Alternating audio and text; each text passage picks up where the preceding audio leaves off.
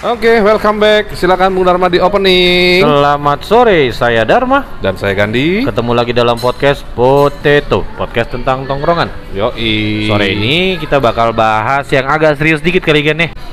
Tadi tuh gue kepikiran ya, Gandhi dah Gandhi ngomong kepikiran gimana kalau kita bahas tentang kebaikan. Nah, ria dong nanti jadinya. Ah, ah, jadinya ria pak, ya Ah, kan ah, karena ah. kita sendiri nggak pernah mengingat-ingat kebaikan. Betul, betul, betul. Gue betul. sendiri, gue juga lupa sih terakhir gue melakukan kebaikan itu kapan. Mungkin karena gue saking ikhlasnya gitu ya. Kagak, kagak, kagak. Jadi- lu lupa itu berarti lu udah lama nggak ngelakuin kebaikan Bukan, kan? Bung Dharma, kebaikan yang yang benar itu adalah kita lupakan begitu aja. Itu berarti menunjukkan bahwa kita ikhlas. Gitu. Gua ngambil dari kata-kata lo yang tadi kebaikan yang benar. Nah, Gua mau nanya, karena belum semua belum tentu semua kebaikan itu benar. satu juta rupiah. Enggak.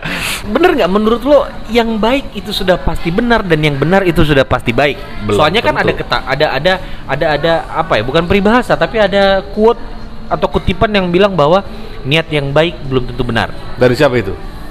Nggak tahu pak. Michael. Michael siapa? Michael. Michael Ang. Wang. Nge, gini.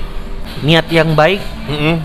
belum pes- pasti benar. Benar kalau buat gue ya. Ya. Karena niat kita adalah baik untuk menolong orang buka pintu mobil.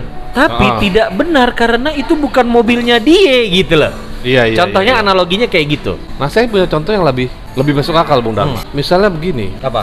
eh, Bung Dharma punya dosa nih yang sangat besar kepada istri misalnya. Eh, Eh, tolonglah. gimana? Yang lain, yang lain. Oke lah, punya dosa kepada bos Bung Dharma. Oke. Misalkan, Saya tahu Bung Dharma melakukan dosa itu, tapi tiba-tiba Kesalahan dalam pekerjaan lah ya. kesalahan, misalkan melakukan kesalahan. Tiba-tiba bosnya Bung Dharma nanya, Gan, si Dharma gimana? Gini gini gini gini gini gini. Karena gue berniat baik, niat baik nih ya. Mm-mm. Akhirnya gue bilang nggak tahu gue nggak ngeliat sih gini gini gini gini gitu. Jadi Menutupi gua- gua- kesalahan menutupi kesalahan. kan, iya. Itu dengan niat baik. Tetapi kalau gue bersikap benar, gue buka nih semuanya nih. Tidak berujung baik untuk Tidak gua. Yang baik buat lo. Nah itu kan sebuah. Kebaikan paradigma yang dilematis gitu. Iya, tapi Ah. kan itu kan kita bisa mengambil nilai dominan. Contoh ya, Ah, ah. kalau apa yang gue lakuin terhadap perusahaan itu bisa merugikan perusahaan dan lu menutupinya, seharusnya lu tidak menutupi. Oh iya, iya itu bisa dipilah-pilah lagi. Nah, gitu Tapi kalau misalkan itu sebuah urusan-urusan yang receh, yang apalagi misalkan urusan pribadi, yang mendingan gue tutupin, Iya, gitu kan. bener, Bilang bener. aja kagak tahu, gitu. Misalkan kayak eh, lu selingkuh sama 10 wanita gitu, ya mendingan gue tutupin aja. Eh, yang lain lah. Eh, ini di podcast ya, Pak? yang lain. Iya, iya, iya, iya, iya. Kan bisa apa gitu. Iya, iya, iya. Oh, oh, kalau nggak kemarin hamilin anak orang udah 12 Wih. year. Eh, salah lagi, Pak? Bukan. Bukan. Yang lain. iya, iya. Ya udah pokoknya contohnya kayak begitulah. Nah, dari dari lu sendiri gimana tuh? Gue tuh kalau gue lihat-lihat memang baik dan benar itu sejalan tapi tidak sejalur. Betul. Cocok gak tuh kata-kata gue? Sesuatu yang benar sudah pasti benar, tapi belum tentu baik. Iya, sejalan Ah. baik dan benar. Makanya ada kata-kata baik dan benar, bukan baik atau benar, ya gak? Iya iya iya benar juga ya. Ya kan? Mohon diisi dengan baik dan benar misalnya gitu kan. Ah, Kayak tadi lu bilang bener juga, kan nggak mungkin baik juga, gitu Iya, kan ya? iya, iya, iya, iya. gitu kan ya? Ah. Anjing pinter nih ngomongan. ah, Nah, terus gimana gimana gimana? contoh kalau kita ngasih pengemis, Nah, perbuatan baik kan? baik. Karena kita memberikan sesuatu berbagi rezeki. Betul. Tapi end up-nya pada saat ya kayak contoh kayak sekarang lah. Ah. Banyak stigma yang mengatakan pengemis itu udah jadi pekerjaan, Pak. Iya, Ya kan, ada yang koordinir ah, segala macam. Akhirnya betul, ada betul. yang nggak mau ngasih. Ah, gua nggak mau ngasih ya. Nah, gue termasuk orang yang kayak begitu berpikir gue, karena gue sempat lihat. Apa ngemis? Iya betul juga. Nah, gue sempat lihat beberapa liputan. Hah? itu pengemis-pengemis di Jabodetabek itu di kampungnya pak. Tajir pak. Iya. Rumahnya Kan kayak waktu itu ada yang dapat ketangkep orang orang ratusan juta kan. Oh, nah iya gitu-gitu. handphone. nah makanya gue berpikir ah enggak deh. Tapi kadang-kadang gue pengen melakukan kebaikan tapi yang tepat sasaran gitu Hmm.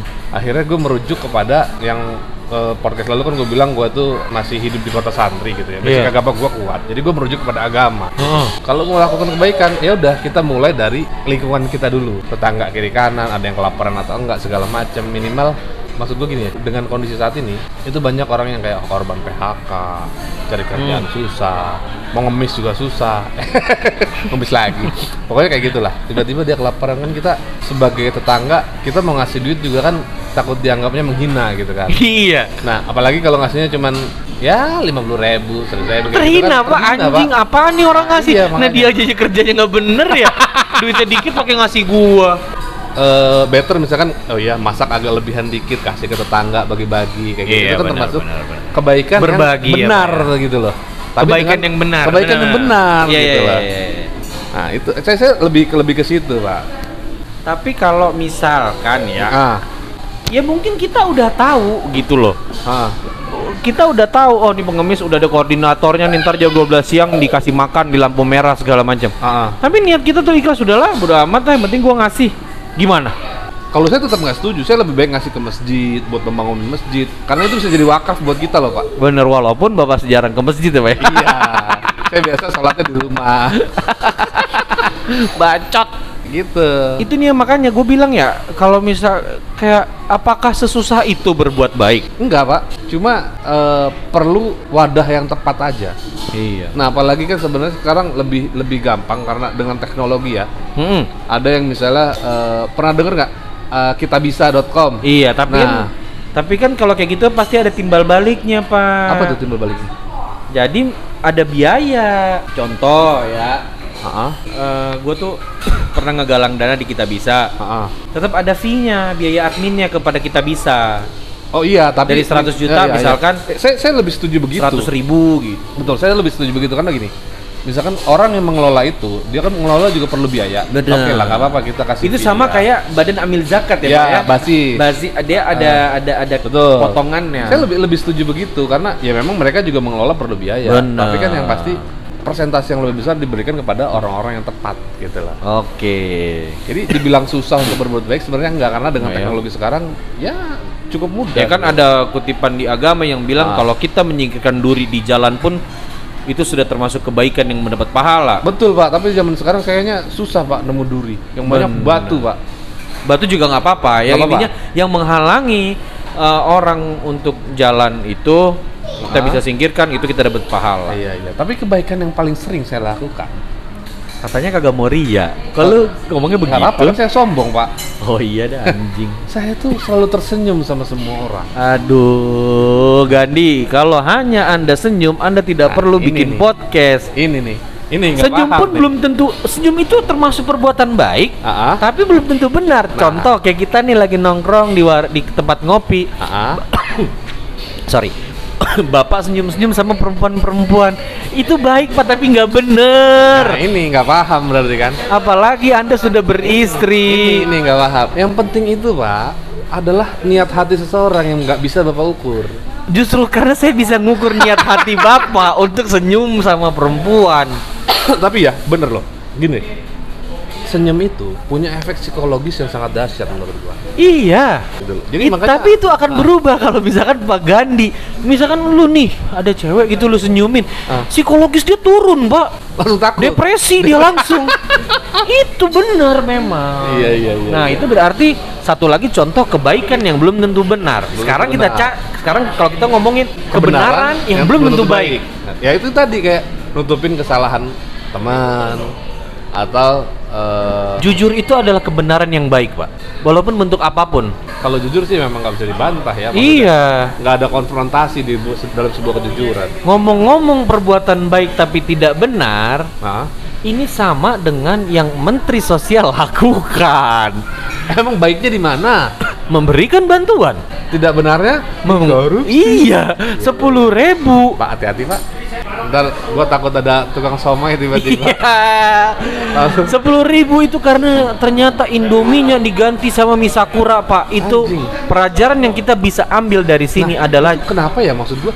Sekarang itu kan era digitalisasi udah ke mana-mana ya. Nah, Apalagi kita punya yang namanya eh, salah satu BUMN Bank Rakyat Indonesia BRI. udah punya satelit sendiri Hmm. satu-satunya bank di dunia yang punya satelit BRI itu Oh, iya? bisa- iya tahu dari mana lu? iya kan saya selalu BRI? update, Pak. BRI satu-satunya bank di dunia yang punya satelit sendiri Untuk ya untuk komunikasi Sistem ya? datanya dia Oh. gitu nah dengan kelebihan itu itu bisa mencapai seluruh pelosok-pelosok eh, Indonesia benar, apalagi Bank BRI kan memang bank yang ada di pelosok-pelosok kan. Kenapa nggak semua orang yang penerima bansos ini dibuatin rekening lah?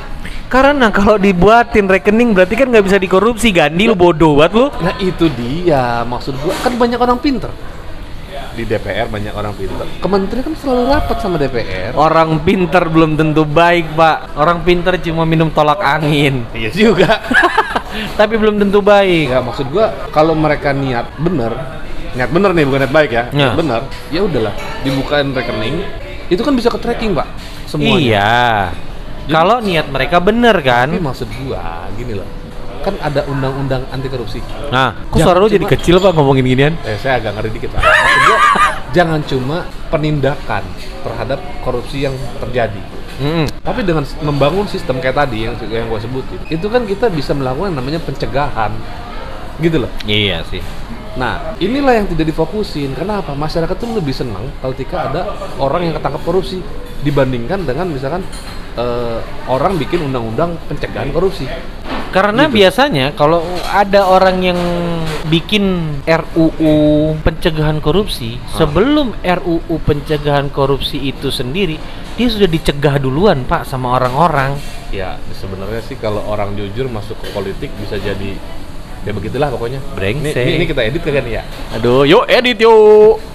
Kayak gini ya. Kalau gue tuh yakin orang itu dilahirkan dalam keadaan baik dan benar. Fitrahnya begitu. Benar. Ah. Eh, orang bisa jahat dan buruk itu karena lingkungan. Ya. Karena dia diri sendiri sendiri seiring Betul. berjalannya waktu. Tapi kan banyak juga orang baik. Setuju nggak kalau bilang orang baik matinya cepet? Hmm, nggak juga. Mati mah udah udah Iya, takdir udah aja ya. Takdir aja menurut gua.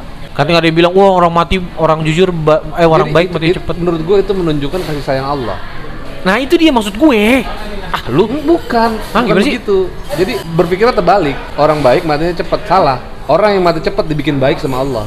Menurut gua begitu. orang mati cepet dibikin baik kan udah mati. Bukan. Jadi sebelum dia mati, dia banyak melakukan kebaikan. Karena apa pun yang kita lakukan, semua gerak segala macam, itu pasti ada pemicunya, triggernya. gitu. Bener, bener-bener gue nggak ngerti gue ngomong lu. Jadi gimana gini, sih? Gini, gini, gini. Misalnya Pak Dharma umurnya 40 tahun. Ya, Anggaplah 10 tahun lagi lah lu misalnya. iya, Ini lu dari dari titik 0 sampai 30. Hah? Lu Badung misalnya. iya, Sama Allah tiba-tiba dibuat lu tuh jadi insaf. Heeh. Jadi baik nih iya. selama 10 tahun terakhir.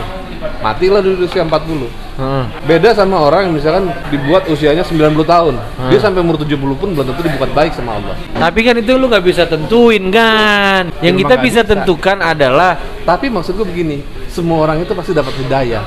Terserah dia mau nangkep atau enggak, menurut gue begitu. mau hidayah yang berbentuk ilham atau hidayah yang berbentuk majalah ya pak ya. Iya dah. Gue tuh susah susah ngebedain orang yang baik sama orang yang pura-pura baik, Hmm. Orang yang benar sama orang yang pura-pura benar gitu loh. Kalau gue sih, ya gue sih orangnya nggak pernah ambil pusing ya. Gue mau diomongin sama seribu orang, mau dimusuhin sama sejuta orang, gue bodo amat. Kalau gue sih, Iya ya. tapi kan nggak semua orang bisa bodo amat begitu. Benar. Ya intinya kita mulai aja baik dari diri sendiri ya. Iya dong. Ya nggak dong? Ha-ha. Ya kan? Kalau gitu baga- kenapa kita nggak ngomongin seribu satu cara menjadi orang jahat yang terlihat Boleh baik? juga tuh, boleh juga. Kalau salah, itu nanti ngebuka Udahlah. kita. Ya. Heeh. Contohnya ya mungkin ada yang baik di mata keluarga, baik di mata teman-teman, baik di depan wanita, Sangat. apalagi wanita yang berbaya. Udah lah, itu nanti kita bisa taruh di obrolan berikutnya. Boleh juga Udah nih kita lama ngobrol, ternyata memang berbuat baik dan benar itu tidak segampang yang kita bicarakan. Ya. Tapi bisa jadi gampang, bisa jadi gampang kalau kita kayaknya udah ya udah ikhlas, nothing tulus, baik ya baik, bener ya bener, terserah lo gitu, Iya gitu kali ya. Sebenarnya itu boleh juga, tapi kalau balik lagi kalau ke prinsip gua, gua nggak bisa kalau itu tidak tepat sasaran. Maksudnya, Tapi kan gua akan jadi nggak ikhlas gitu jadinya. iya, tepat sasaran dan enggaknya itu kan subjektif, lu yang nentuin. Oh, yang penting gua tahu itu tepat sasaran. Tapi kalau misalkan di belakangnya ada penyelewengan, ya gua jadi nggak ikhlas. Iya, tapi gimana lu bisa tahu kalau itu ada penyelewengan? Nah, sekarang kalau misalkan kayak tadi yang gue bilang, kayak pengemis itu segala macam, itu kan udah banyak liputannya. Jadi gue tahu, makanya gue nggak akan mau gitu. Nah, tapi sebelumnya kan kalau belum ada liputan lu pasti udah ngasih doang dong. Iya. Misalkan gini ya, Ah, wah gue mau nyumbang rumah yatim piatu. ah, ah. gue kasih karena gue tahu nih untuk membangun yatim piatu ternyata setelah lu nyumbang tiba-tiba di TV ada kasus rumah yatim piatu itu nggak jadi dibangun malah jadi ruko Saya nggak ada kepikiran buat nyumbang yatim piatu. contoh anjing Saya kepikirannya pengen bikin rumah yatim malah. Jadi saya yang korupsi. Enggak, enggak. Iya bener. Korupsi. Astagfirullah korupsi anak yatim, Mbak. Itu dosanya. Astaga. Enggak gila. Enggak maksud kalau Anak kalau yatim kon anak yatim dikorupsi, Pak. Ya Allah, ya Robbi. kalau kalau gua lebih ke balik lagi tadi ke lingkungan. Kan di lingkungan kita juga pasti ada tuh orang anak yatim, Iya. orang-orang yang kekurangan gitu loh. Ya radius 1 2 kilo nggak mungkin nggak nemu, Pak. Bener. Kita bisa tanya RT juga bisa. Eh di sini anak yatim siapa aja? Minta dong daftarnya. Ini bisa begitu. Itu maksud gua. Iya. Kita lebih tepat sasaran. gitu. Contoh saya bisa memberikan sedekah kepada Bapak karena Iya Bapak dong. anak yatim. Betul. Iya kan gitu kan ya? Mana Pak? 2 juta ya Pak? Nggak gitu caranya kon. Eh. Semoga nggak ada yang bisa diambil dari obrolan ini. Amin. Eh, tapi tetap tolong didengerin ya. Biar? Namanya ya biar kita view eh, listenernya banyak, pendengarnya banyak. Boleh. Podcast ini tetap hidup Eh ngomong-ngomong kita lagi nongkrong di mana Bung Dharma? Di 88 QQ. QQ Kopi Tiam. 8 88 nongkrong kopi bakar, Iya. QQ Kopi Tiam ini adalah tempat di mana podcast Potato pertama dibuat. Yoi. Gue emang seneng sih nongkrong di sini, tempatnya enak segala macam. Ah. Tapi nggak usah kita bahas karena juga mereka juga eh, nggak peduli sama kita. Kita juga di sini nongkrong bayar, nggak ada timbal balik yang yoi. Ah, ah, jadi bodoh amat lah. Ya udah, oke. Ah, Thank you. Saya Dharma. Dan saya Gandhi. Selamat sore. Selamat malam. Kita undur diri dah. Dah.